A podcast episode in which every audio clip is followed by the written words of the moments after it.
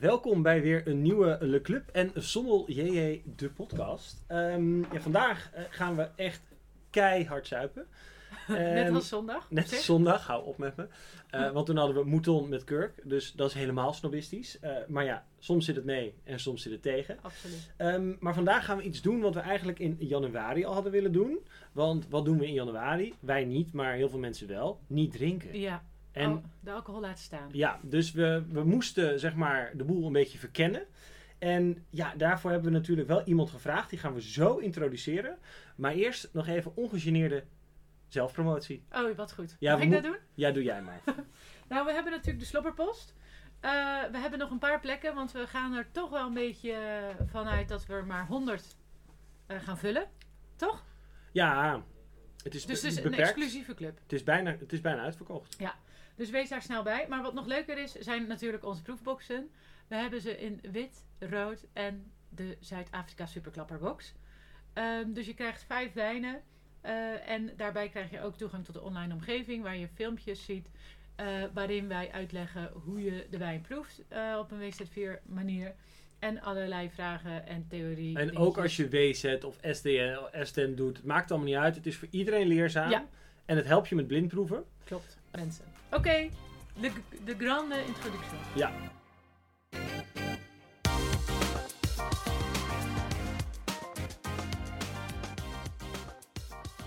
Nou, we hebben vandaag Esme te gast. Woehoe! Oh, ja, ze, ze had al gezegd, ik ga iets omgooien. Ik doe mijn best. Goedemiddag. Goedemiddag. Goedemiddag. Hallo, ik ben Esmee. Moet ik het zeggen? Ik ben heel blij dat jullie me speciaal voor deze podcast hebben uitgenodigd. Omdat, eh, nou, we gaan lekker, lekker proeven. Lekker proeven. Mm. Ja. Mm. Ehm, er zit ook al wat in ons glas. Ja. Maar daar gaan we het zo over hebben. Ja, En we zitten nu ook allemaal nog in de clubtrui. Dat vind ik ook geweldig. ja, ik heb wel een jas aan, want het is weer heel koud. Ja, Want iedereen denkt dus, of we zitten bij Nadine in het hok de podcast op te nemen zonder, daglicht en zonder zuurstof. Eh, nu zitten we bij Vindict in de kou. En eh, ja, afgelopen zondag was beter. Toen zaten we bij de koeien en de schapen. Maar ja, het is niet altijd feest. Ja. Nee. Maar ik ben blij dat ik ook zo'n mooie trui nu heb. Ja, Ik ben echt heel blij. hebben we over Ik kan, hem ik kan hem iedereen aanraden. Dankjewel, dankjewel. Eh, maar goed, waar kennen we Esmee van? Moet ik dat... Nee, Ja. moet nee, ik oh, ik mij van kent? Ik wilde vragen aan eh ja, ja. Nou, het, ja, Esmee die is zeg maar de, de koningin van de alcoholvrije wijn. ja maar Leuk vind- om me ook zo te introduceren. Ja. Zal ik mezelf even introduceren? nou, wel. jullie kennen me misschien eh, van de Clubhouse. Ja. Zeker, Oh, ja. natuurlijk. Je bent wel nee. echt, nou, Nou, je, je bent, bent, de eh, clubhouse koningin. Ja? Ja, ja, ja. ja. Sowieso. Ja, ik, ik probeer de Clubhouse. Ik heb mezelf de Kalishi van de Clubhouse Oh, eh, genoemd. Ja. Ehm, Mooi. maar Clubhouse is sowieso wel leuk om even te gaan kijken. Ehm, ik hoop dat jullie ook wat eh, vaker op de Clubhouse zijn. Ja. Want we zitten daar een beetje. Er moeten wat meer Nederlanders bij. Ja, Ik heb wel geluisterd. Van, eh, er was, ik, had, ik heb altijd als iets nieuw is, dan, dan haat ik het in het begin altijd. En dan Oh, denk ja? ik, ja, en daarna denk ik, oh, had ik hier er maar meegedaan, nu heb ik weer de boot gemist. Ja. Dat had ik zondag ook een beetje, maar ik vond het toch wel heel erg leuk. Want ik, eh, als ik bijvoorbeeld in de auto zit, dan luister ik altijd BNR. Vind ik heerlijk. Ja. Vind ik echt gewoon fantastisch. En alleen maar podcast. Dat is ook hoe we op het idee zijn gekomen om podcast te maken. Maar Ja. ik vond Clubhouse afgelopen zondag over eh, het verlies van de reuk door corona. En hoe je dan met je werk ermee omgaat. En dan alle verschillende personen. Die, dat vond ik echt wel tof. Ook Ja. die uit, eh, wat was het, Kopenhagen. Die, ja, dat waren gewoon heel veel verschillende invalshoeken. ja, Mees. Meesja. En Ja. ik vond dat toch wel heel erg tof en ook interessant. Dus ik had al zoiets van, dit was een thema, natuurlijk door de coronetten, maar ook ehm, iets wat heel veel impact kan hebben op je werk. Ja. En ik denk, ja, dat is, is, is wel, ik vond het wel heel tof. Ja, Dus, voor eh, iedereen die er niet bij was, dat was inderdaad een gesprek. Dus wij staan dan op het podium en wij nodigen dan mensen uit die eh, expert of ervaringsdeskundigen zijn en die vertellen dan. Maar het, is, het leuke van Clubhouse is, en wat het anders maakt dan een podcast, is dat ook het publiek mee moet praten. Jij bent niet mee gaan praten. Dat, eh, Nee, ik had hem op de speaker staan. Oh ja, je kan. Het ja, was nog- precies. Ik was nog een beetje bang. Ja, nee, dat- precies. Je moet even die Clubhouse-drempel over. ja. Maar het leukste is dat je dus met z'n allen eh, informa- ja, kennis kan delen. En ehm, Nou, en het is natuurlijk ook, het is een beetje de podcast, alleen nu kan er niemand wat vragen. En je hebt FOMO, de fear is of missing natuurlijk out. Dat is wat ja, je mail- dit- er is meer in, interact. FOMO. En het is ook leuk als je eh, bijvoorbeeld een proefclubje hebt of zo, lijkt mij. Dat je Ja. na, eh, dat je een soort aftertalk Ja, doet. Of, eh, dat Na de is-. Ja, we zetten in de show notes en misschien dat wij ook nog wel allebei een paar invites hebben. Mocht je nog niet erbij zitten. Ik kan, zo, ik kan sowieso nog twee mensen uitnodigen. Ja. Ik heb daar dan niks mee gedaan natuurlijk. Hey, ik moet nog zeggen waar jullie Oh ja. mij van kennen. Oh ja, Oh ja, Clubhouse. Maar ik ben, eh, ik, ben wijn- ik wijnjournalist. En eh, de, de laatste tijd publiceer ik dan in NRC. Dus daar hebben jullie misschien een artikel over, over gelezen, eh, van me gelezen over Nederlandse wijn. Zo heb ik eh JJ ook eh, gesproken. En ehm, het laatste artikel wat ik heb geschreven ging over natuurwijn. En er stond toch ook nog in een ander blad een artikel? Eh, wat bedoel je? Perswijn? Nee. Nee, wat bedoel je? Welk blad? Oh ja, ik Eh, schrijf in meerdere bladen. Met eh, het interview met eh Wine Spice Girl. Oh, dat blad. Ja, ja ik heb eh, voor eh, Playboy heb ik Wine Spice Girl geïnterviewd. Of eigenlijk, ik heb gewoon India Donisi benaderd en gezegd, hé, hey, grappig. eh, eerst nog even bij Nadine gevraagd van, wat vind jij er nou eigenlijk van? Omdat ik zelf het idee had dat mensen in de wijnwereld... Wine Spice Girl is een heel groot eh, Instagram-account ehm, van een Nederlands-Italiaans meisje. eh, genaamd India Donisi. En met haar doe ik dus nu ook de, de wine chat op Clubhouse. Ehm, maar ja, zij toont af en toe eens even een vleugje tiet of een vleugje Mhm. kont. En het is best wel sexy en she's spicing up the wine world. En ik, ja, ik, ik, ik was benieuwd wat andere mensen daarvan vonden. En ik dacht eigenlijk dat daar een beetje over geroddeld werd. Maar dat viel eigenlijk wel mee. Zij heeft zelf ook aan mij verteld dat ze voornamelijk hele positieve reacties krijgt. Ook van de oude garde, laten we het zo zeggen. Nou ja, kijk, wat ze doet is natuurlijk wel echt spicing up the wine world. Ja. En zo ben ik laatst bijna betrapt in de supermarkt. Want ik denk, ik had het artikel natuurlijk Had je weer je broek laten... eh, Nou nee, nee dat, dat is ook weer. Ik denk dat was ook. Ik denk dat ik zal haar krijgen. Ik zal ook eens een keer wat doen. Maar toen stond ik in de supermarkt de Playboy door te bladeren. Want ik wou dat artikel zien. Ja. Toen bleek het dat een nieuwe Playboy te zijn. Dus toen ik, Ja. ik, ik had zo het idee dat ik voor lul stond. Maar ik denk, ja, het kan allemaal. En Ja. ik heb natuurlijk ook een keer mijn broek uitgetrokken in een van de duurste Ja. wijngaarden in Bourgogne. Ik denk dat ook Spicing Up the Wine World, Wine Spice Boy. Nou, en het leuke was dat India dus tegen mij zei, ik ken haar inmiddels wat beter, eh, eh, dat, ze dat heel, dat ze dat een eer vond, dat jij dat zeg maar aan haar, wat je had haar getagd, Ja. dat aan haar had opgedragen. Want dat is precies wat ze probeert te bereiken. Gewoon dat het een beetje, dat het allemaal niet zo serieus Nee, en, is. dat, en dat, is ook, vond, dat vond ik ook wel zo tof, want eh, ik vond het zelf natuurlijk ook wel spannend om dat te doen. En wat ik nooit in de podcast denk, of ik überhaupt nooit heb verteld, wel aan dat je vrienden. hier altijd naakt zit. Nou, nee. dat, is, dat wordt een hele andere podcast. Maar wij deden dat. Of tenminste, iemand moest natuurlijk die foto maken. En nou ja, dus we hadden dat hele gedoe gedaan. En eh, toen reden we weer dat weggetje af. En toen wou ik nog even een foto maken van een bordje van een andere wijngaard. En ik stap uit. En twee Nederlanders die roepen tegen mij: Ben je een kalender aan het maken? en toen kon ik enerzijds in de grond zakken. En anderzijds vond ik het toch heel grappig. Ja. En toen had ik wel zoiets van, ja, weet je, ehm, je hebt 99% die vonden het allemaal leuk. Ik heb het zelfs geschopt tot de wallpaper van iemand in Duitsland. Dus dat was ook wel echt een, eh, Zo. ja, zo. dat was wel heel wat. Hm. En je hebt dan een paar haarters die vinden dat het niet kunnen. Ja, tast het je geloofwaardigheid aan, ja of nee? Het is gewoon interessant. En aan de andere kant denk ik, ja, eh, Nou, maar het is natuurlijk ook zo dat de wijnwereld zo stijfjes is. Dus dan mag ook wel eens zoiets gedaan worden. Omdat, gewoon om het gemiddelde weer een beetje... eh, ja en ik vond Ja, het wel dubbel. out. Want Ja. ik had Ja. ook, zeg maar, bij mij was het op een gegeven moment, kreeg ook een appje van mijn baas. Van, goh, wat heb je nu weer gedaan? Ja. En toen zat ik dus, had ik dus vaste gasten. En ja, mensen volgen me dus ook gewoon op Instagram. Van nou, goede foto. en dan wordt het enerzijds ongemakkelijk. Maar anderzijds denk ik van Ja. ja, er zijn zoveel taboes in de wereld. Laten we die maar doorbreken. precies. En is dat niet een leuk bruggetje naar alcoholvrij wijn? ja, is ook een taboe. Daar zijn we. Daar zijn we. we. We gaan dus heel veel drinken vandaag. Eindelijk. Eindelijk. Nou ja, ik ben al twee dagen brak. Dus ik ben heel blij dat er een keer geen alcohol in Nou, zit. daarom. Dat is fijn. Ehm, maar dit is wel heel interessant, want we kennen inmiddels eh, alcoholvrij bier is, is heel goed ingeburgerd. nou, en is, ook het goed. algemeen ook best wel lekker. Maar ja, alleen Lekkerder. met wijn Ja. blijft dit toch heel moeilijk. Ja, en ehm, Hoe zit dat? Ja, hoe zit dat? Eh, nou, luister, ik ga het je allemaal uitleggen. Nee, eh, er zijn verschillende theorieën. Eh, ik sprak laatst iemand die zei van... mm, het komt gewoon omdat er binnen de wijnwereld eh, niet één grote marktleider is... die zoveel van de markt bezit dat hij de zin heeft en het geld heeft om te investeren.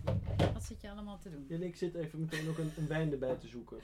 Dus ehm, eh, Gallo bijvoorbeeld, zei diegene tegen mij... Oh ja, eh, die zou het wel kunnen. Nou, die heeft dus maar 2% of 1% van, Oh, van, ja. het, van alle wijn die er verkocht wordt. Ja.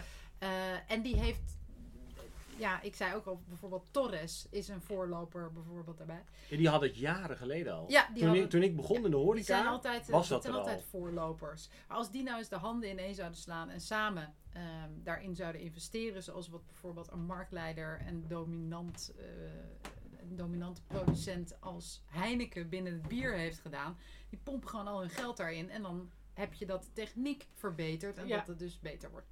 Dat is één ding. Maar als je, eh, ik sprak vandaag iemand anders, ehm, namelijk de producent van Naughty Wines. Naughty. Ja, en oh, dat is klinkt een, al leuk. Ja, dat is een sparkling eh, eh, wijn ehm, die nu op de markt gaat komen in Nederland. Eh, hij was al eerder op de markt, maar bij een kleine importeur. En nu heeft Delta eh, Wines, eh, dus dan komt hij in de wijnspeciaalzaken terecht. Ehm, ze zijn nu ook bezig met een rosé sparkling, volgens mij. Eh, Amanda Thompson, en dat was een sparkling wine die door Jancis Robinson, ehm, althans door Tamlin Curran van jancisrobinson.com, eh, beschreven werd als een van het beste wat ze ooit geproefd had. Ik heb hem geproefd zelf. Ik had hem meegenomen als ik er nog een had, maar heb ik niet. Sorry En jongens. hoe was dat? Dat was, ja, dat was een goede eh, sparkling wine. Nou, zijn dat best hebben wel. we dus nog niet gehoord. Goeie. Nee? Nee, Bij jou. bij Uit mij. mond. Ja, nou, ik heb wel nog een andere eh, sparkling wine die ik ook wel oké vond. Die van ehm 1, 2 eh, Riesling. Ja. Die, eh, die volgens mij zo heet. Maar dat moet ik altijd even opzoeken. Ehm, van Lights. Ja, die wijn, ja, die sparkling van Lights. Ja, die, Ja, die, die, vind ik ook goed. Ja. En deze Naughty, die, die doet daar ook wel aan Ja. denken. Alleen dit zijn druiven, dit is Chardonnay, eh, waar zij het van maakt. En zij ehm, eh, koopt dat gewoon in. Ze, ze laten dat allemaal maken bij dezelfde eh, producent in? Duitsland. Ja. Want er is één grote fabriek die dat dealcoholiseren doet. En dan ben jij gewoon als... Dus jullie kunnen dat zelf ook doen. Als jij zegt van nou, ik wil die druiven en ik wil dat je het smaakprofiel zo aanpast. Dan is Het wel gewoon... hilarisch zijn als wij een alcoholvrije wijn Ja. maken. Misschien kan ik het beter doen. Oh ja. Want ik ben nu Miss Alcoholvrij. Nou, dit is wel een cash cow. Ja, Want het is een, dat, ik heb me daar dit jaar over verbaasd.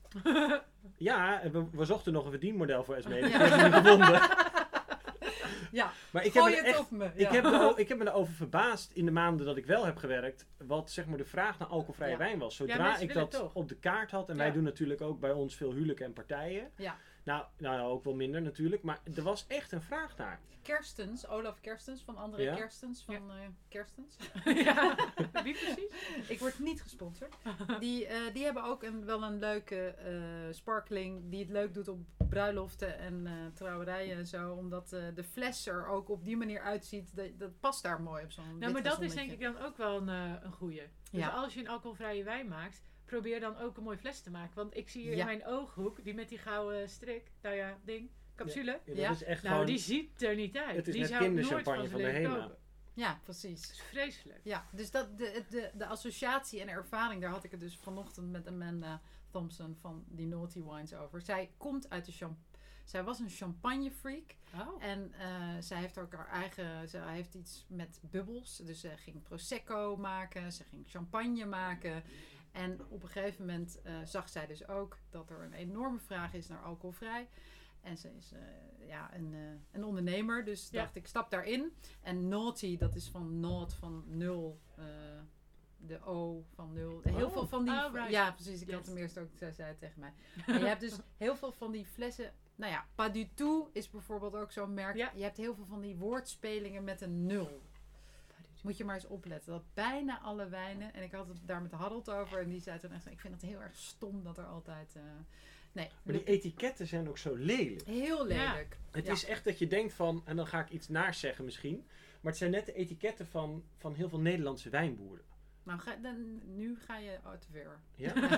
nou, er zijn, de Ja. Nou, etiketten zijn zijn niet er- altijd, nee. maar er zijn gewoon, dat is net als knol. Dat is ook, dat is kitsch qua etiket. En met die knol. maar die vind ik wel weer leuk. Ja, maar dat is dus, maar ja, ik vind dit wel echt, en dan Maar, staat, ja. ik vind ze allemaal ook gewoon, en waar we misschien ook aan moeten wennen, is dat achterop ook staat de suikers en het is net Oh, alsof ja, je een dus pak dat is natuurlijk dubbelfris wel het koopt. hele verhaal. Want het staat er gewoon op. Nou, leuk maar daar je- ben ik juist heel erg blij mee. Dat nou ja, op zich staat. is dat, Dat is namelijk precies waar ik voor sta. Dat transparante van hoe wordt het gemaakt. Ja. Hier kan het dus wel. Hier moet het namelijk. Ja, omdat het het- officieel geen wijn mag heten. Ja. Dus dan moeten ze aan andere regels voldoen natuurlijk. En het, maar het, stel dat dit op een normaal wijn, wijnetiket zou staan, Nou, wat, wa- wat op zich klein. wel goed is.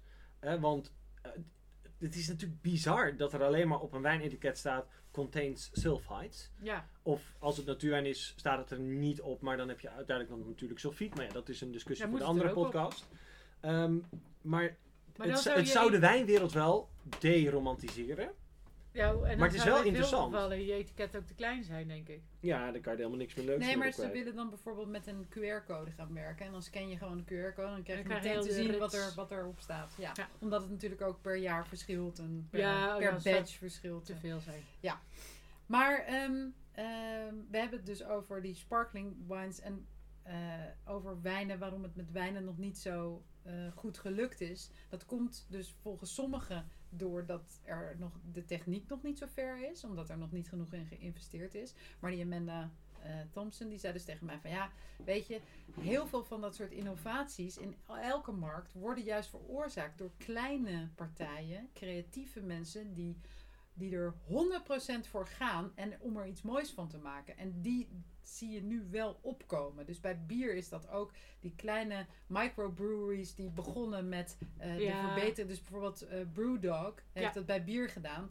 En dat is wel een marketingkanon geweest. Maar dat was een vrij kleine producent die zich er hard voor heeft gemaakt. En dat moeten we in de wijn, kan dat natuurlijk ook gebeuren. Ja. Ik denk alleen dat mensen die hun druiven nu hebben, eh, nog een beetje aarzelend zijn. Zo van, ja, ga ik dan mijn goede druiven gebruiken om Ja, want te dat is natuurlijk ook- dealcoholiseren? Ja. Nu gebruiken ze misschien toch een beetje de B-klasse druiven.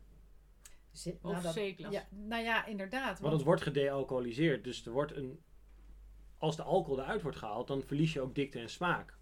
Ja. Dus Ja, maar je is wil... het ook minder erg als het minder goed van kwaliteit is, omdat je toch al smaak verliest door het proces. Ja, of je, of je zegt van ik doe wel de beste, want ik verlies al wat. Dus dan is er in ieder geval nog wat wat precies, als de basis kut is, dan wordt het nooit een goede Ja. wijn natuurlijk. Want ze zeggen toch ook van je, je moet niet met slechte wijn koken.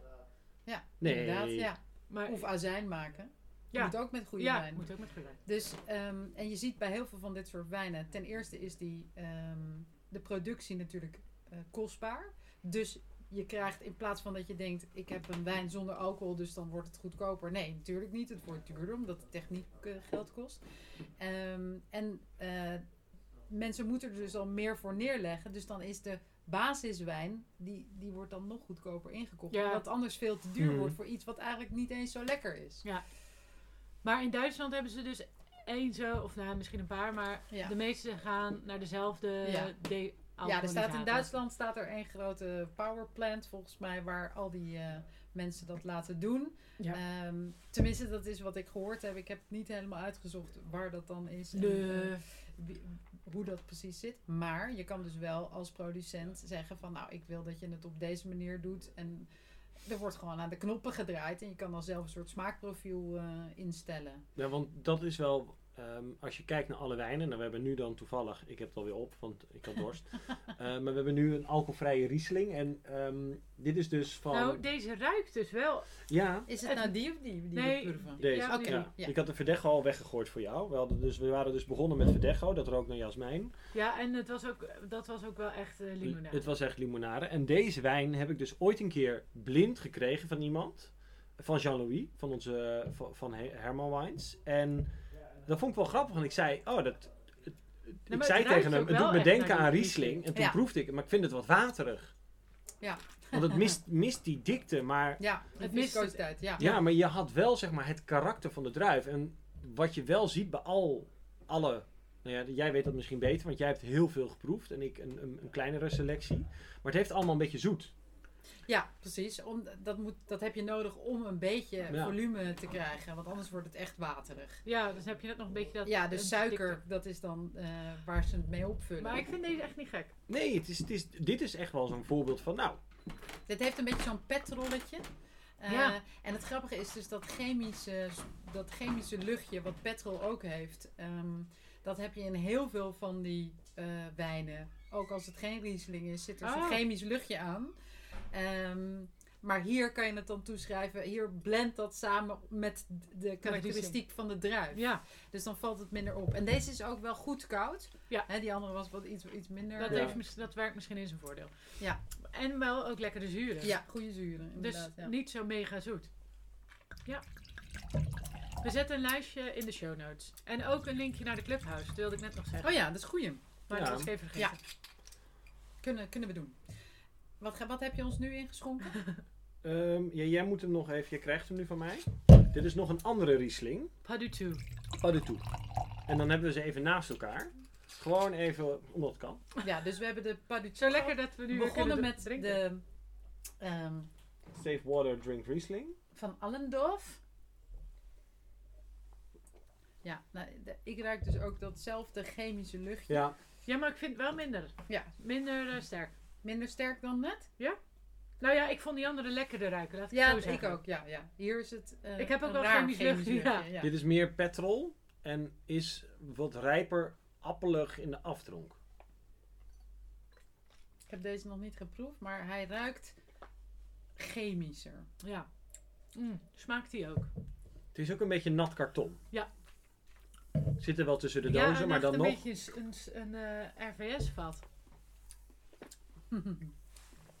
ah ja. Alsof je zo... maar, wel, maar dat appeltje, Ja. zo'n beurs... En hij heeft een veel plakkerigere, droog, drogendere aftronk dan die Ja. Safe Water Drink Riesling. Dus Ja. de Pas du tout is niet ehm pas mal. Heel maar, goed. eh, nee, ik, dan, als je dan moet kiezen. Maar waarschijnlijk zit er ook een prijsverschil in. Of niet? De, die Pas du Tout was 8,95 heb ik ervoor neergezet. Ik moest 17 piek betalen voor twee van die flessen. En dan die... Ah, Oké, eh, Safe wel. Water, ik weet niet hoeveel die ja, ik kost. weet alleen wat die horeca inkoop kost. Dat was toen 4 nog wat. Dus die zal ook wel... Ja, nee, maar ik heb bij die tout dat ik denk, ik wil niet nog een slok. Terwijl ik bij die, en, en echt drogend. En die Safe Water Drink Riesling, die, eh, die kan je echt doordrinken. Die zuren zijn veel 57 is mooier. die. Ja. Ja, ik vind die zuren ook goed. Van Ja. die, eh, En ik Leuk heb- om even naast elkaar te Ik proef hem nu nog. En ik vind het niet heel fijn. Nee, nee, precies. Ja, Het is een hele lange wel. vieze auto. Ik heb weg ermee. Weg ermee. Oké. En ehm JJ, vertel mij eens even welke drie eh, eh, technieken er zijn om eh, alcohol... wijn alcoholvrij te. Oh, ja, je hebt eh, omgekeerde osmose. Waarbij de ehm, molecuulstructuur van de wijn volgens mij wordt afgebroken. Gedemonu... Nee, ja. Gedemoleculariseerd? Ja, dat. En dus eigenlijk wordt daar letterlijk de alcohol uit wijn gehaald. Dan heb je eh, uit mijn hoofd ook cryo-extraction. Dat kon, dat kon je ook doen. Cryo Nee, maar dat is dat toch is wel bevriezen, toch? Ja, dat is Ja, maar dat kon je ook met... Volgens mij stond het ook in het boek, maar dat... dat- volgens mij, nou ja, dat, dat, dat, ehm, ik heb dat ooit een keer gelezen, maar dan, ik heb dat, dat heb ik even niet zo scherp meer. Dan heb je die eh vacuüm eh, destillatie. ja, dat is gewoon distillatie. En. Ehm, wat je, eh, waar we het ook al over hadden toen we nog niet gingen opnemen, is eh, zoals we met bier nu verschillende hopsoorten hebben ontwikkeld, waardoor bier ook niet een bepaald alcoholpercentage bereikt, zijn ze nu in de wijn ook aan het experimenteren met bepaalde gistsoorten, Mhm. die er dus voor zorgen dat een wijn bijvoorbeeld wel eh, vergist, maar niet een bepaald alcoholpercentage bereikt. Dus ook lager alcoholische wijnen. Toevallig werd ik ook vandaag getipt door Vinites, want die hebben van die Zuid-Afrikaanse van Spier hebben ze nu ook twee alcoholvrije, of niet alcoholvrij, maar laag alcoholische wijnen, 5,5%. Oh ja. En daar was ik dan ook wel weer benieuwd naar, van wat doet dat dan weer met die smaak? En heeft dat dan ook weer zoet? Ja. En ik weet dat ze bij het Betuwswijnenmijn, want daar kom ik wel eens eh één keer in de zoveel tijd, daar zijn ze dus ook aan het experimenteren met dus die gistsoorten, om te kijken of ze daar wat mee kunnen. Want ja, Ja. alcoholvrij, Maar die gistsoorten die maken dan geen alcohol aan? Of nou ja, er wordt wel vergist, alleen uiteindelijk is het zo als, stel, maar dan, dan ga ik even hy- hypotheseren. Ja, als, eh, als het een woord is. Ehm, maar stel, eh, je hebt een eh, gistsoort Ja. die je aan de wijn toevoegt. Dus niet natuurlijke vergisting, want dan gaat die wijn maar door. Ja. Je voegt die gist uit het pakje eraan toe.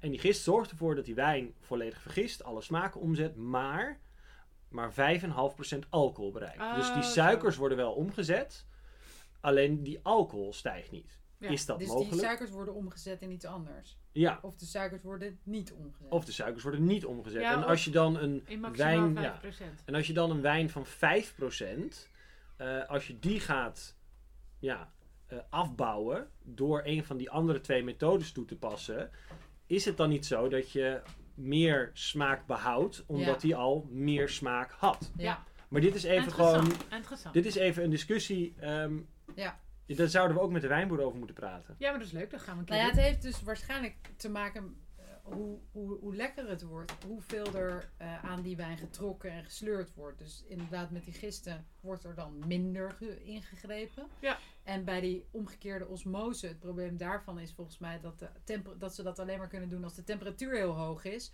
Waardoor je altijd die gestoofde aroma's krijgt. Wat je ook niet per se En omdat je daar ook de alcohol eruit haalt. Ja, Ehm, kijk, alcohol is natuurlijk smaakdrager. Alcohol geeft dikte Mhm. aan de wijn. En doordat je die alcohol eruit haalt, verlies je ook die dikte.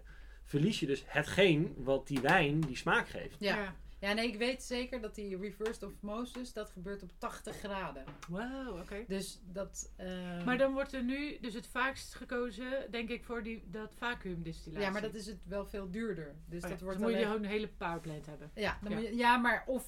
eh, je- niet, ze kiezen er niet allemaal voor, maar dat is wel steeds wa- wat je meer ziet. Maar ja, dat hangt van de producent af hoeveel die zijn wijn wil verkopen. Ja. Want dat is kostbaarder. Dus Ja. ja.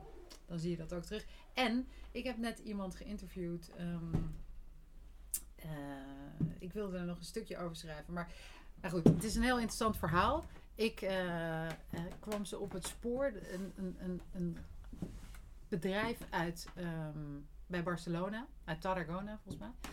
Ehm, ze werkte samen met El Bulli en met de sommeliers daar. En een aantal jaar geleden is ingevoerd in Spanje dat, ze, eh, dat je niet ehm, drink and drive mag niet. Dus ehm, bleek dat bij de restaurants van El Bulli, et cetera, minder mensen flessen wijn voor de lunch bestelden. Want lunch is daar heel groot. Dus ze hadden een probleem. Toen zijn ze gaan kijken, hoe kunnen we dat eh, ehm, oplossen? Ja. Want eh, dit gaat ons geld kosten. Mhm. Dus puur maar, eh, geldgedreven onderzoek. Ehm, en toen hebben ze een apparaat ontwikkeld, wat ze nu op de markt gaan brengen voor restaurants. eh, waarbij je gewoon je fles wijn, je dichte fles wijn, door een apparaat gooit. En dan wordt de alcohol eruit gehaald. Oh, mijn En hij zegt, ik werk samen met de beste sommeliers en ze vinden het allemaal fantastisch. Ehm, er is wel een tipping point. Ja, dit is breaking news, jongens. Dit is breaking Ehm, news. Ik wil dat apparaat. Ja, precies. Ja, kost eh, waarschijnlijk iets van eh, per maand ga- gaan ze dat dan verhuren. Heel slim. Ja, heel slim. En ze verkopen het aan restaurateurs door te zeggen: je gaat er meer wijn door verkopen. Ja. Want in plaats van dat je met z'n tienen. Eh, ehm, je, je gaat meer flessen kopen. Ja. Want je- je, denkt, dus ik kan nog geen, even. eh, En je kan dus zelf kiezen tot welk percentage alcohol je de wijn wil laten Oh de-alcoholiseren. god. En is, is er dan, en wat is dan het tipping point dat de smaak ver- eh, verloren gaat? 9% ongeveer. En hij zegt dat het met een techniek eh, eh, gebeurt die niet één van deze technieken is die we net besproken hebben. Het is wel een soort van filter. Het eh, komt uit de eh, ziekenhuiswereld, waarbij ze dat doen met bloed, Ja. met een soort membraan. Dus eh, ze scheiden het water volgens mij van de rest. Ja. En ehm, eh, ik moet dat even nalezen. Ik Ja, heb misschien dat niet omdat tijdje alcohol weer zwaarder is of zo. Dat ze dat dan Ja, het was een kunnen- heel inge... ja, Hij ging me natuurlijk ook niet precies vertellen hoe het werkte. Nee, want dan het zou is je het na kunnen maken. Precies, anders kan je het namaken. Maar het was in ieder zijn wij. geval... ja, maar dit is wel breaking. Ja, Het is dit is breaking. En eh, wat leuk is, is dat ehm, ik zei dus van ja, ik wil het graag proeven. Maar ze zitten bij Barcelona, dus ja, hoe kan ik het? Kun het niet opsturen? Want zodra je die fles wijn opentrekt, ehm, zodra, dan gaat hij natuurlijk oxideren. Dus dan zouden ze het in een flesje moeten doen, slobberpost moeten opsturen naar mij.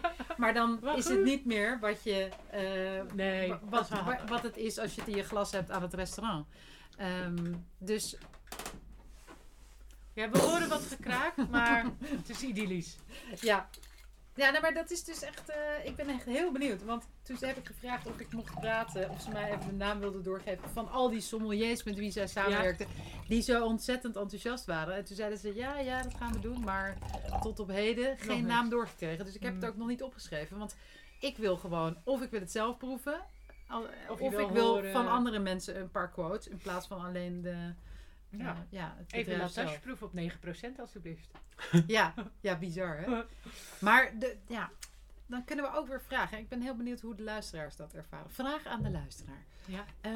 Leuk. Is er behoefte aan wijn op een 5%? Nou, dat, dat Ja. eh, zat ik ook net aan te denken. Want ja, op zich... eh, nou, misschien dat je dan wel ietsje meer zou kunnen proeven. Nee. Of? Proeven of drinken? Nee, proeven. Dus in een restaurant, dat je bijvoorbeeld... Zou je dan vier proefglazen kunnen doen? Van 5%? Is dat dan hetzelfde als twee... Ja. Ja. Je kan wel meer. Je, je kan er meer van drinken. Het is, het is, nee, dat is dezelfde vergelijking die ik ook altijd had op de hotelschool. Je kan of een, eh een, Jenever? een, een jenevertje pakken, Ja. of je neemt een glas wijn. Maar het is, een jenevertje is minder, maar qua alcoholvolume, omdat het hoger is in alcohol, krijg je hetzelfde binnen. Dus als Ja. jij zeg maar een wijn pakt met de helft, dus laten we even zeggen, we gaan ervan uit dat de meeste wijnen zo rond de 12, 13 procent zijn, dus Ja. 6, 6,5 procent. Dan zou je in theorie dus wel een extra glas daarvan kunnen Ja, nemen. En als het dan zeg maar ook nog qua smaak nog steeds heel, heel lekker is, hè? Dus daar even wel van uitgaan. Dan zou ik dat wel nog kunnen begrijpen. Omdat je dan meer verschillende wijnen kan, kan drinken. En dus bij een gerecht nog een beetje kan, Mm. kan proberen. Dus dan snap ik wel 5, 4 tot, tot 5 tot 6 procent. ja. In een restaurant van een wijn die je dan wil bestellen. Niet le- lekker, jij? Nee, ik trek even heel zuur weg. Lussery. Lussery. Lussery. Wat Ook betekent dat? Ja. Dit is een witte wijn, een Lussery, zero. Eh, Lassery. een Airen. Mhm. ja, ik heb deze Oh, bij, ja. bij Gal gekocht. Maar ik vind dit niet... ehm, Ik doe ook altijd heel Maar negatief ze lijken wel allemaal Ja, op elkaar. Terwijl allemaal- dit een Airen is en die andere waren eh Want hier heb ik ook weer dat chemische zeggen. Ja, precies, dat luchtje. En een Ja. beetje zo'n snoeperig. ik had een beetje... Het proefde een beetje kurkerig. Ik vond het een beetje stoffig. Had ik. Ja, kartonnen, natte Oh ja. kartonnen doos. Oh. Ugh. Ja, dit is een beetje eh, het standaard, eh, de standaard Maar deze heeft echt een gedealcoholiseerde vieze wijn. smaak. Zij zijn verbaasd. Ja, ik, eh, ik kijk er niet zo van op.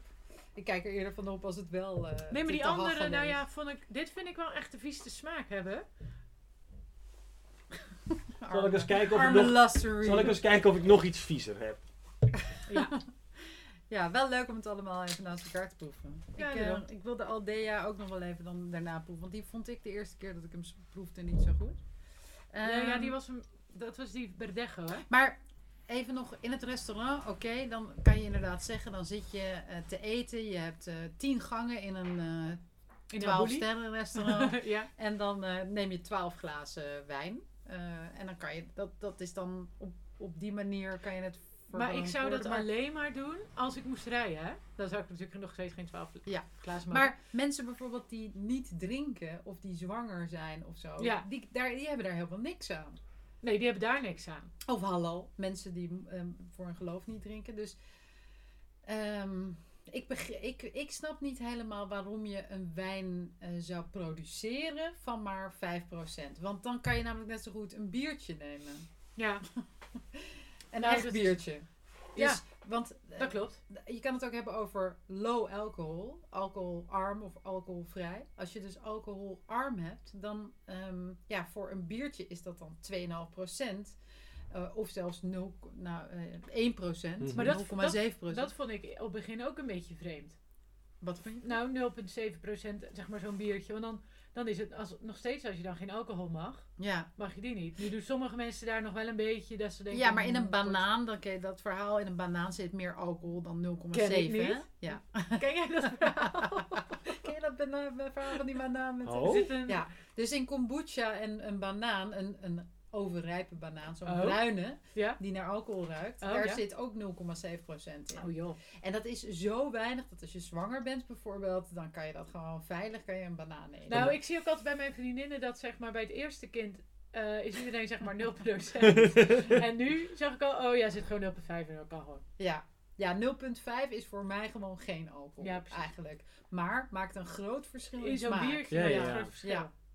Een van de lekkerste alcoholvrije IPA's is die van Van de Streek. Zij waren een van de eerste Oh ja. die dat in Nederland echt hadden. En dat was ook een van de eerste biertjes waarvan ik dacht... Oké, dit is gewoon IPA. Ja. Gewoon maximaal. Maar wel, er staat. En verkrijgbaar bij de Albert Heijn. Dus Ja. dat was ook prettig, dat je bij de Albert Heijn iets kon kopen wat lekker was. En dat Ja. heeft ook wel even geduurd. Want in het begin, kijk, dat biertje werd op een gegeven moment zo'n succes. En dat hadden ze zelf ook niet helemaal zien aankomen. Dus Die zijn daarna maximaal moeten gaan opschalen. En, want het staat inmiddels bij de meeste Albert Heijns kan je die nu krijgen. Ja, Eh, en ik heb toen heel lang van de streek gedronken. Toen op een gegeven moment raak je dan erop uitgekeken, dan wil je weer wat anders. Toen ben Ja. ik overgegaan op Brewdog. eh, Brewdog ehm, die, ook IPA. Eh, IPA is natuurlijk fijn omdat die bitters die verbloemen een beetje dat gebrek aan, eh, aan body van de alcohol. Ja. En nu, eh, ik ben nu eigenlijk mijn fa- favoriet van Jopen. Het, Oh ja. eh, de non. eh, Oh. Oh ja, want ja. die, eh, ik vind de mooie Nel, dat is dan met alcohol. Ja. Of, ja. Die vind je ook lekker. Ja, dat is mijn favoriet. Ja, nou, dan vind je die. eh die En- non maar- is ook heel lekker. Hij zit daar 0,5 of zo. Ja, volgens mij 0,5. Ah, ja. Want ik vind eh, van Lowlander vind ik ook een Ja, hele ja, lekkere. ja, ja, klopt. En dat vind ik ook Lowlander.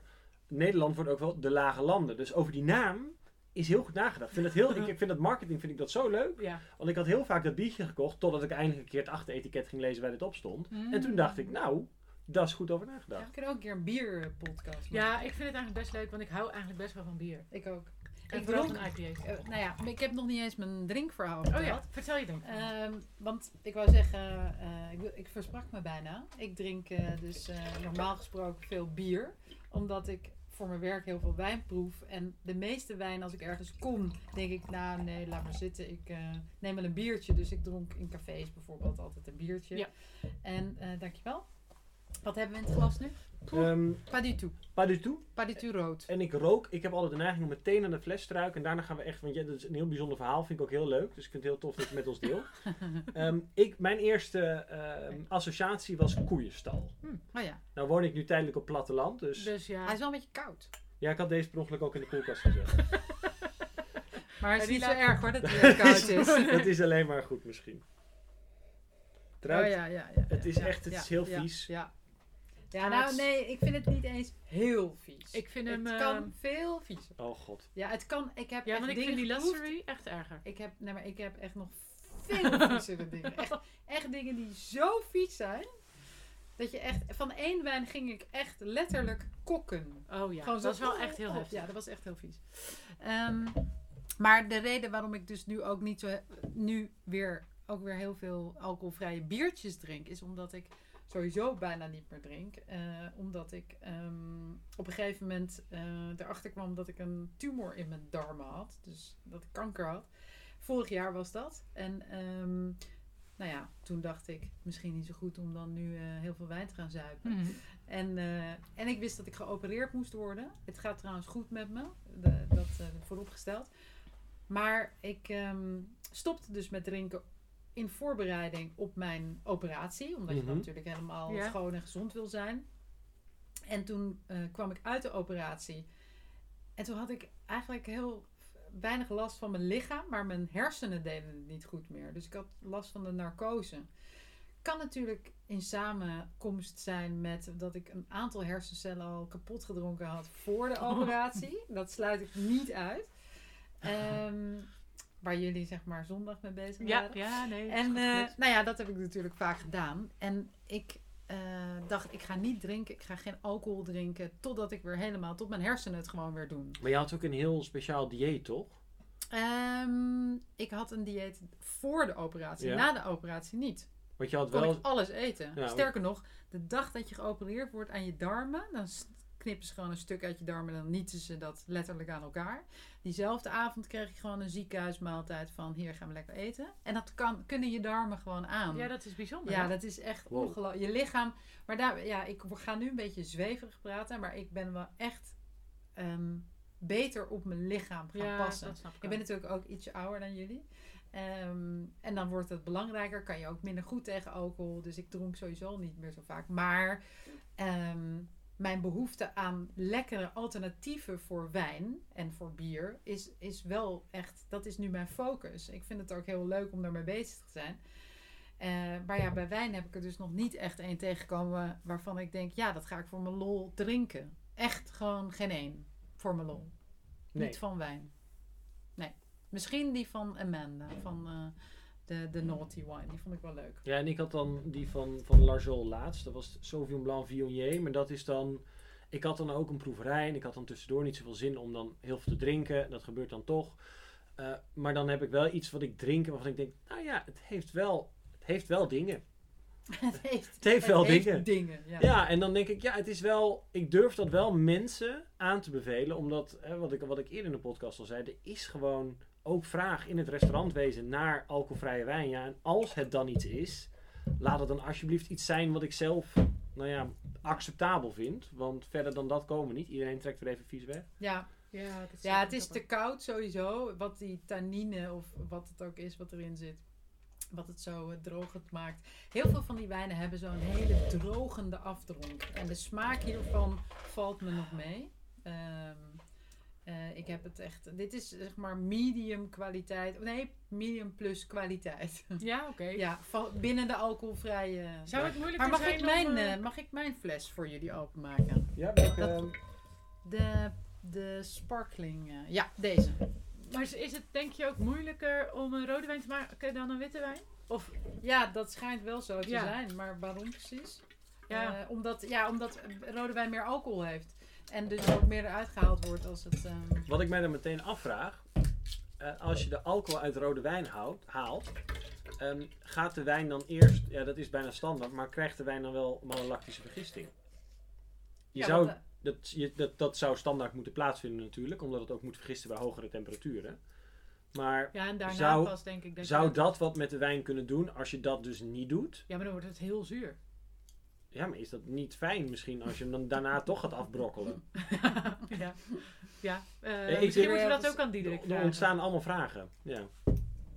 Maar Ja, ik denk dat het heel zuur wordt. Nou ja, kijk, en je kan je dus ook afvragen, dit is natuurlijk een podcast over wijn en voor wijnliefhebbers. Maar ja, wijn, wijnliefhebbers zijn wijnliefhebbers omdat ze graag iets in het glas hebben wat elegantie heeft, wat complexiteit heeft.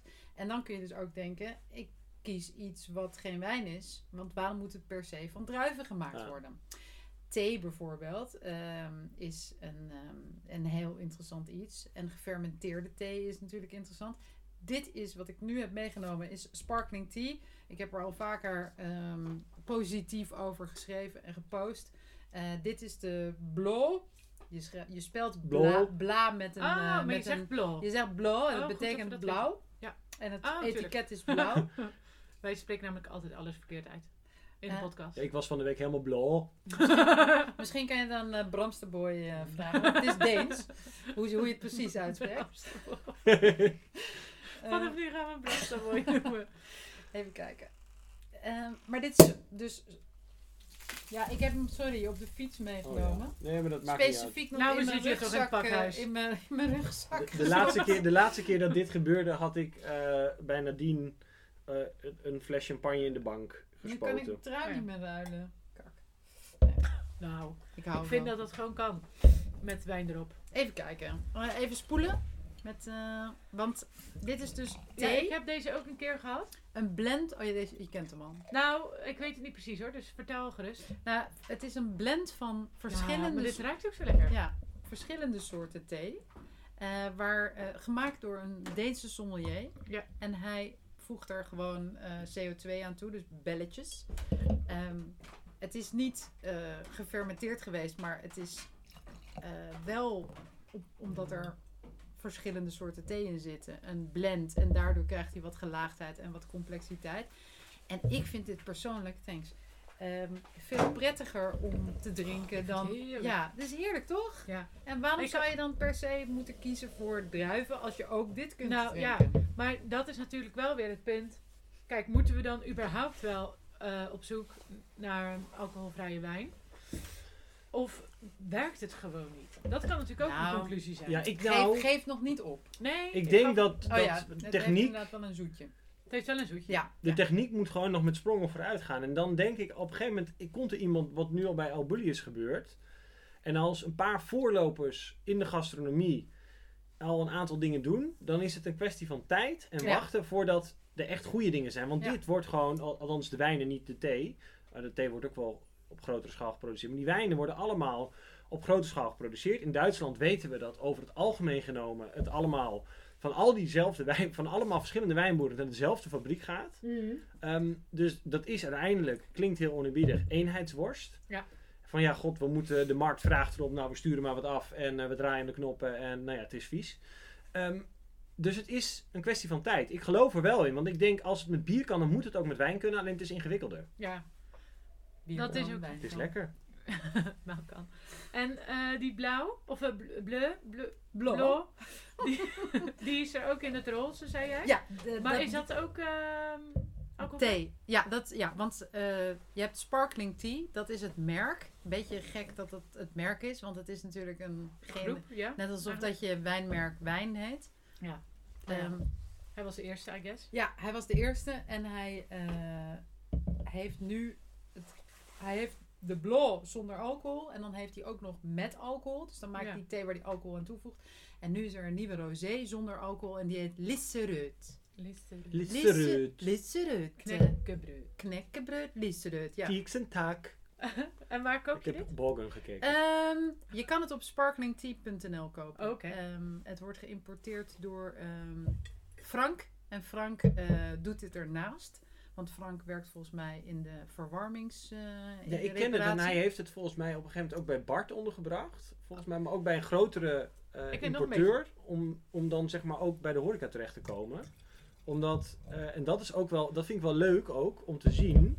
Is dat een hoop wijnimporteurs, eh, die hebben struggles met het vinden van goede alternatieven. Mhm. Ja. Dus Vinites heeft bijvoorbeeld thee, laag alcoholische En die wijn. hebben sapjes. en die hebben ook die sappen, maar Wijnimport Bart heeft ook sappen. Ik heb ook sapjes meegenomen. Ja, die gaan we zo ook nog even klappen. Cepagesappen. Want Chic. het is dus wel, laten we het maar eh, benoemen, het is booming business. Ja. De alcoholvrijmarkt, de no-low-markt. De, ehm, ja, er is een enorme behoefte aan. De cijfers wijzen op eh, bier is geëxplodeerd en eh, ook alcoholvrije wijn wordt, eh, is echt een, een enorme stijging, vraag naar. Ehm, het is nog lang niet op het volume als waar bier, eh, alcoholvrij bier op verkocht wordt, maar het is wel enorm toegenomen.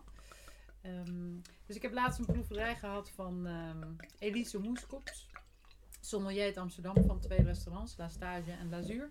En eh, zij heeft voor Gal en Gal een aantal eh, alcoholvrije alternatieven gezocht. Eh, een heel pakket kregen we toegestuurd en eh, daar zaten ook deze sappen in. Maar ik heb, we hebben een proeverij gedaan, maar niet met deze. Dus ik heb deze ook nog niet geproefd. Oh. Dit zijn twee liter flessen rood en wit. Cepages van wijndruiven.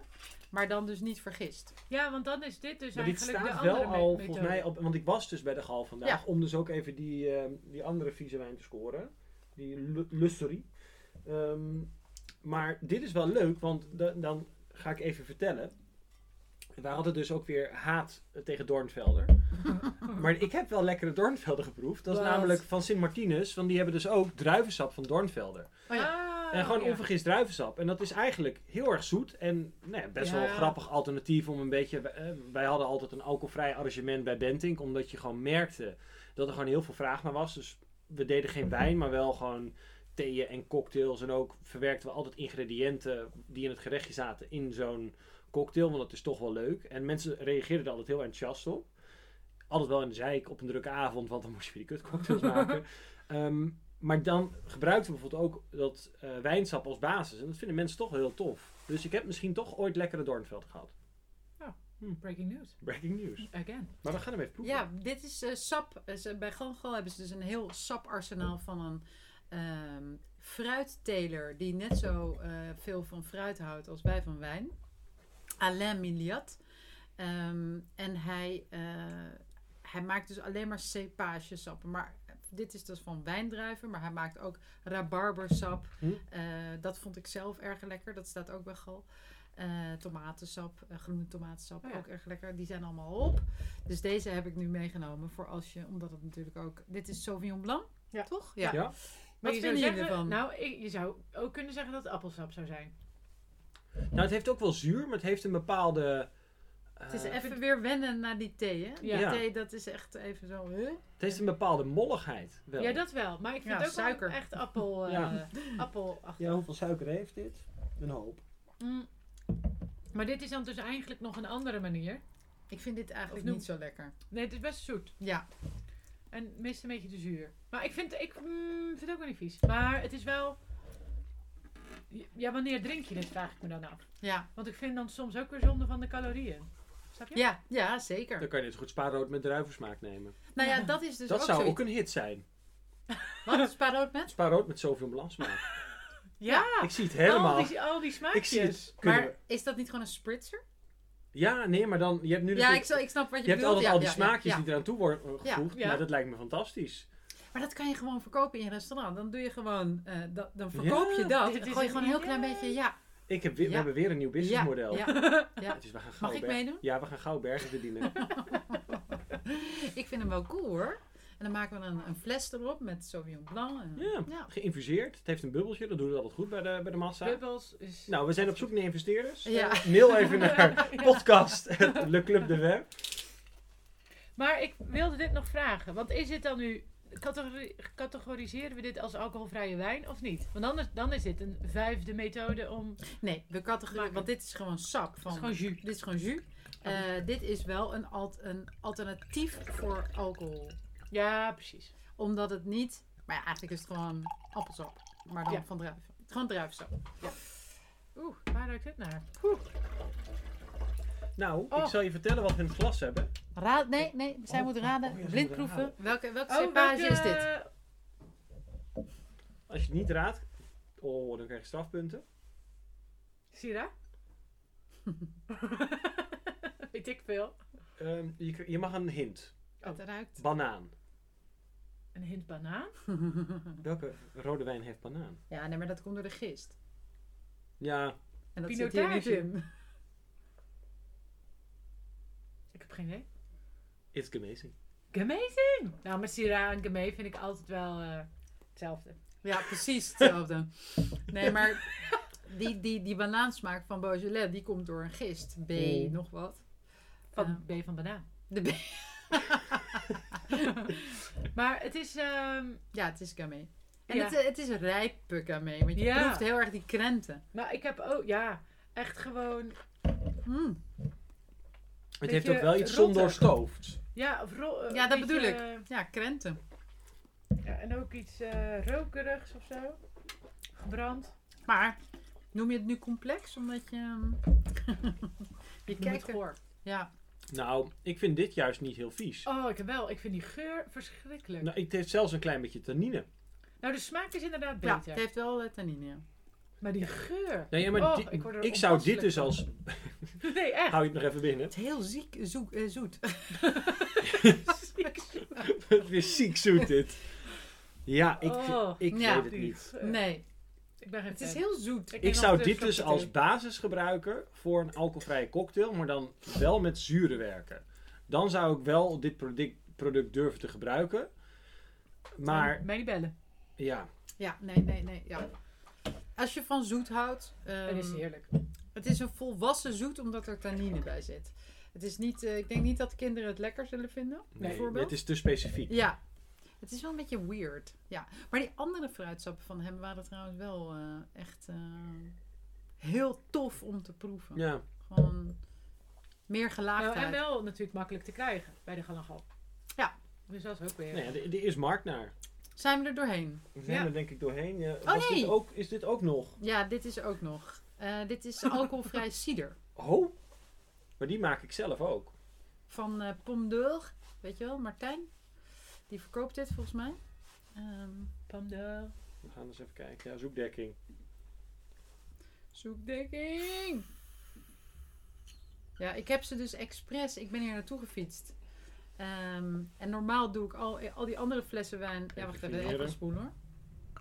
Ehm, Ik zeg ook fineren, maar dat, het is allemaal alcoholvrij. Hoe, hoe noem je het dan? eh, spoelen?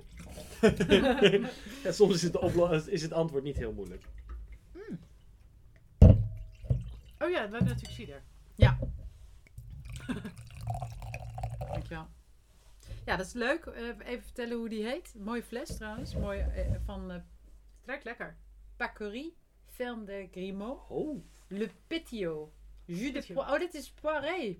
ja, Oh, dit is ook echt fest- peer. dit is festini-ijsjes. Ja. Ja. Maximaal festini. Het is peer. Jus de poire pétillant sans alcool. Maar dit doet mij dus ook denken aan wintersport, aan Peer Williams. Want dat vond ik Oh ja. vroeger heel stoer om te drinken. Zo'n stukje peer met een heel vies peerdestillaat. Oh, En dat hoorde dan bij wintersport. Ja, maar dit is... ehm, dit Mm, heeft wel ik vind het lekker. Ik vind het heerlijk. Ik vind het ook heerlijk. Waar Even kopen nog we dit zeggen. ook weer? Gewoon even een fotootje van En maken. het heeft ook goede zuren. ja, het is heerlijk.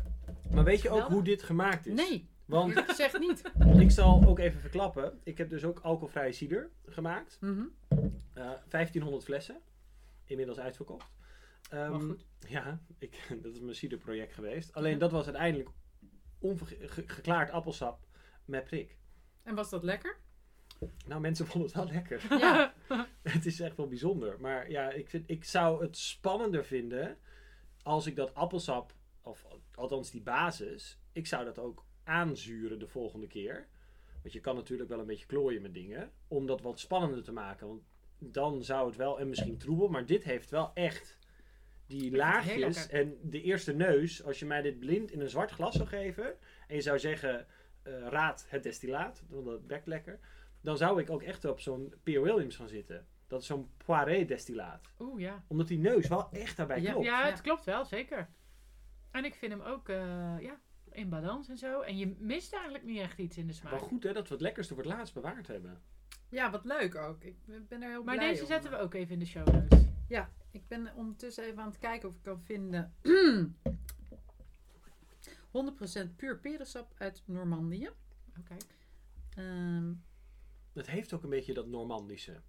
Nee, maar dat, dat, is, dat zijn is over het dat? algemeen ook drogere stijle ciders. Oh, het ja. is onvergist sap. Ja. Ja. Ja. Wel, hè, maar wel Ja. gewoon goed Ja. sap dan. Maar wel van bomen die 300 jaar oud kunnen worden. Kijk, je. kunnen worden. Kunnen worden. Hij heeft dus wel de beste peer uitge Ja. uitgezocht. Gewoon, ja, precies, dat is het, ja. Ja, dus als je de basis gewoon goed maakt. Ja, nou ja, dit is gewoon heerlijk perensap met een bubbeltje erin. Ja. Maar wel eh, niet zoet of zo, niet kinderachtig. Geen, kinder, eh, geen kinderdrankje. Dit zou ik ook echt een leuk alternatief vinden. Hoppa. Heel mooi goud, donkergoud geel van kleur. Een soort van bijna roze-oranje. Het is ook echt een hele drinkkast geworden. Ja, Dat is ook wel eens leuk. Ja, we hebben veel, veel goed. Maar ik denk dat het ook wel, ook wel leuk is om een keer zo al... Nou, je moet hier toch wat meer, eh, ja, alcoholvrij. Er moet er toch een beetje gezelligheid in, hè? Ja, Hmm, ja, lekker. Maar dit is een leuke, want dan hebben we toch nog een paar tips. Ja. Dit is dus een tip. Ja, dus de Pacorie Le Pétillots, dat is dus een alcoholvrije poré. Je mag geen poré zetten, maar van peren. Ja. Eh, de Safe Water Drink Riesling wijn ja. van Ellendorf. Vonden we ook een tip. En eh, de sparkling tea. de sparkling tea. Dus eigenlijk één van druif gemaakte. Ja, dat dan weer wel. Ja, ja. Ja, want we hebben nog die mousserende eh, staan, maar dat ziet er zo goedkoop uit dat ik denk dat we het hoeven het niet eens open te maken. Maar die had je toch ook maar gewoon hier gevonden? Ja, die, die, stond nog in, de- die stond nog in de koelkast. Ik zou hem dicht laten. Voor je schoonmoeder. Burk Schöneck. Nou, mijn schoonmoeder die is ook wel echt meer van de wijn. Nou, leuk jongens. nou, dan is eigenlijk eh, de conclusie. Het kan, Maar je maar moet het is, even zoeken. je moet even zoeken. Ja. We moeten wachten op ja, de innovaties. En jij hebt ons natuurlijk wel getipt, El Bulli. En ik denk dat dat wel een hele hoop eh, teweeg gaat brengen. Ja, ben benieuwd. Dus, ehm, dus dit was wel heel erg tof. Dus dit was eigenlijk eh, de eerste, nee, de tweede podcast. Want we hebben natuurlijk ook eh, vorig jaar de podcast gemaakt. Vol in de lockdown, de eerste. Over de Hamersma. Oh, ja, ja. Ja. ja. Ja, ik zag je ook kijken welke podcast, denk ze. Maar nee, ik komt er dacht nog over alcoholvrij. Er komt er nog één. En ehm, we gaan nu even, we moeten dus gaan afronden. Ja. Want we moeten door. We moeten onder. Ehm, maar we hadden dus nog een vraag. Oh. Eh, ja. Oh. En jij, had nog een, jij moet nog een mailtje voorlezen, want we hadden ook feedback. Of had je die de vorige keer Ja, dat gelezen? gedaan. Oh ja. Nou, we hadden dus nog een vraag. En dat is ook wel leuk, want dan kan dus mee ook even meedenken. Oh ja, leuk. Ehm, want mensen mogen dus ook vragen stellen. Dat is weer een nieuw Tuurlijk. rubriekje. Joehoe. Ik heb een vraagje. Wellicht om in de podcast te beantwoorden. Nou, je zit erin. Je zit erin hoor. Wat ik altijd lastig vind, is tanninestructuur bepalen bij rode wijn. Je proeft de aanwezigheid van tannines in grote of kleine mate. Maar hoe bepaal je nou of tannines zacht of grof of bijvoorbeeld korrelig zijn? Zijn er handvatten om dit beter te kunnen onderscheiden? Jezus, Ben wat benieuwd. een domme vraag. nee hoor, ik maak Dat is een hele goede vraag Er eigenlijk. zijn geen domme vragen. Nee, die bestaan niet. Nee, ik ik vind heb- het een hele goede vraag. Ik heb van de week nog aan mijn schoonvader gevraagd wat emeritus hoog, wat dat, eh, wat dat is. Emeritus. Nee, emeritus. Zo, nou, ik kon het niet uitspreken. Spiritus was mijn geheugen. Maar we gaan het hier niet Ja. over hebben, want ik stond al een keer voor lul. Ehm, Ja, want dit was ook in de vorige podcast. ja, nou ja, maakt ook allemaal niet uit. Eh die tanninestructuur. Je kijkt. We kijken nu allebei naar jou. Waarom weet ik niet. Ehm, eh, hoe ik dat zou uitleggen. Ik denk dat ik gewoon eh, drie wijnen zou kopen. Het is even een investering. Maar, eh, en dan dat naast elkaar proeven. Dus je hebt bijvoorbeeld, Gamay. ja, gemazing. ehm, eh, licht en zacht. Eh, misschien ja, een bar, ja, maar het hangt wel vanaf welke... de Beaujolais. Ja, maar village. als je een Cru Beaujolais neemt, als je een Morgon neemt, dan heeft hij best wel... Ja, nee, pittige maar we moeten wel gewoon een. Beaujolais village Ja, eh, van 10 euro. precies. Bijvoorbeeld Le Ro- Ronsay eh, Ja. van eh Vind ik ten Platenburg. Eh, en een Barolo. Je moet sowieso Barolo hebben. Oké, een lange. Gewoon Lange een Nebbiolo. Nebbiolo. Ehm, dat, is, dat is natuurlijk hoogtannines. En die zijn vaak... ehm, ja, zijn ze grof? Hoeft niet per se. Nee, maar het is wel... Grove tannines heb je vaak in wat goedkopere wijnen. En dat krijg je bijvoorbeeld ook van eh, hou- houtsnippers en dat soort eh, ellende. Dan proef je echt een soort van dikke, grove, eh, gevo- ja, ehm, ruwe, Ja. grove, een grof ruw... Eigenlijk kan je het met schuurpapier vergelijken. Oh ja, dus Alsof misschien je- even daaraan likken. Ja, ja, maar je hebt fijn schuurpapier en, en grof schuurpapier. En ik heb vaak bij bijvoorbeeld eh, jonge Bordeaux, ehm, eh, die niet al te duur is, dan heb je veel tannine, maar die is grof. En bijvoorbeeld bij een Barolo, dan heb je fijne tannine, die heel erg Ja, van die... maar die is ja. wel weer hoog. Maar wel heel fijntjes. Ja, ja, maar dat is wel... eh, Ja, een leuk verschil. ja, leuk verschil. En misschien is het ook wel leuk eh, om nog iets te halen. Bijvoorbeeld een Shiraz uit Australië. Of een eh, Malbec eh, uit Mendoza. Dat is ook al medium plus tannines. Maar die zijn super rijp. En dat, vind- dat is soms wel eens lastig. In, En dat, als is, ik, dat is klimaatafhankelijk. Dat was eigenlijk ook nog wat ik, wat ik had bedacht. Is dat je bijvoorbeeld, ehm, als je cool climate Cabernet Sauvignon hebt, onder andere Bordeaux. Bordeaux, ja, dat heeft altijd wel een beetje dat, dat groene, dat minty. ehm, en, en dat kruidige, met name zwarte peper. Maar is het nieuwe wereld, dan is het Californië, is het Napa booming, boom, log. Eh, en heeft het juist niet dat, dat, dat peperige als het ware. Dus nee, maar dan heeft, het, dan heeft het dus hele rijpe en zachte tannines. Dus dat is, dat is denk ik Door ook wel weer leuk om ja. te proeven. Eh, maar dan zijn ze nog wel steeds hoog. Alleen eh, zijn ze veel, dan voelen ze veel zachter aan. Ja. Dus dat is denk ik wel leuk om een, misschien een goedkope Bordeaux te doen. En eh 10 euro of zo eh Malbec uit, uit Mendoza of Shiraz uit Australië. Die naast elkaar. Want die zullen qua tannines, qua gehalte zijn ze gelijk. Medium plus waarschijnlijk. mhm. Maar qua eh, gevoel in je mond zijn ze anders. structuur. Dus ja, Ja. Hoe, hoe fijn en hoe grof. Ja. ja. Ehm, Of een Cabernet uit eh, Nederland. ja, vind ik moeilijk. Hey, en Nee, hebben die, die... die, cool climate eh, rode wijnen, ook eh Doornveld. Ja, Ja, dan heb je wat meer korrelig. Ja, Ja. ja dat, dat grove en dat fijne, dat vind ik altijd heel erg leuk. Dat die, die hele geconcentreerde wijnen bijvoorbeeld uit, ehm, dan kan ik er niet opkomen, uit, uit, uit, uit Spanje, bij Tarragona. Eh, m-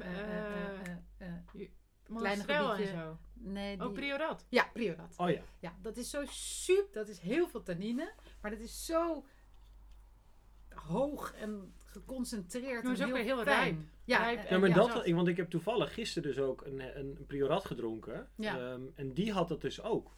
En dat vond ik toch wel leuk, want dat was... eh, Die had wat ook? Nou, die fijne tanninestructuur. Ja, ja, want dat, dat was is- 2017, dus het was voor priorat relatief jong. Eh, het was een wijn die ook 12 maanden houtlaging had gehad, maar ook 9 maanden of 6 maanden, volgens mij 9 maanden, gerijpt was op de zeebodem. Dus dat helemaal Oh, die, ja. koraal erop. ja. En ik had die in een opwelling, op, Fe- op, in- op Instagram zag ik dat voorbij komen. Oh, die wil ik hebben. En toen zei ik, oh, dat is de laatste fles. En zei oh ja, ik stuur je wel een tik in. Toen dacht ik, oh ja, dat is jammer. Ehm, dus dat is weer veel te impulsief. Maar ik vond het toch wel tof, want ik drink eigenlijk te weinig priorat. Ja. En ik vond die tannine gewoon, het was hoog alcohol, het had echt veel tannine, maar het was een fijne tannine structuur Precies, en goed precies. doordrinkbaar. Ja, Ja. ja. En eh, ik heb eh, voor de Soldering Wine Challenge heb ik een priorat, priorat van Ja, eh, Richard. Pistaris. eh, Oh ja, van vind ik ja. van Vindict. Ja. ja, was leuk. Nou, het, nee, het was trouwens van ehm, eh, Platenburg. Ook goed. Ja. Maar goed. ehm, We hebben de vraag ook ik hoop, ja, het was een beetje wazig. Maar zo eh, zijn we. Ja. Nou ja, Maar- gestructureerd, kijk naar specifieke druiven. Hè. Dus het- uiteindelijk is het zo, je, je kan bepaalde dingen herkennen. En per druif kan het verschillend zijn. Maar zet nieuwe en oude wereld naast elkaar. Nou, en ik denk, als meest tip van een goedkopere eh, rode wijn, dan heb je dus de kans op dat korrelige groter. ja, ja, dus dat is denk ik al goed. Zo'n vieze En- beuker. Maar ik vind het wel een leuke vraag, dus ik maak wel een ehm, artikeltje op de club.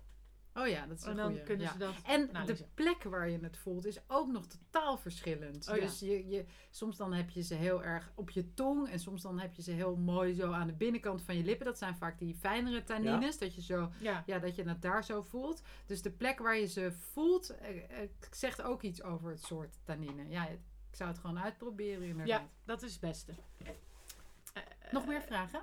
Ik nee, we doen, één, we doen één vraag per podcast. Eh, jammer. Ja. ja, anders dan wordt het weer te lang. We zitten alweer over het uur. Ja. Ja, we moeten stoppen nu. Bedankt. We proosten altijd nog even op het laatst. Dank u wel. Yo! Doei!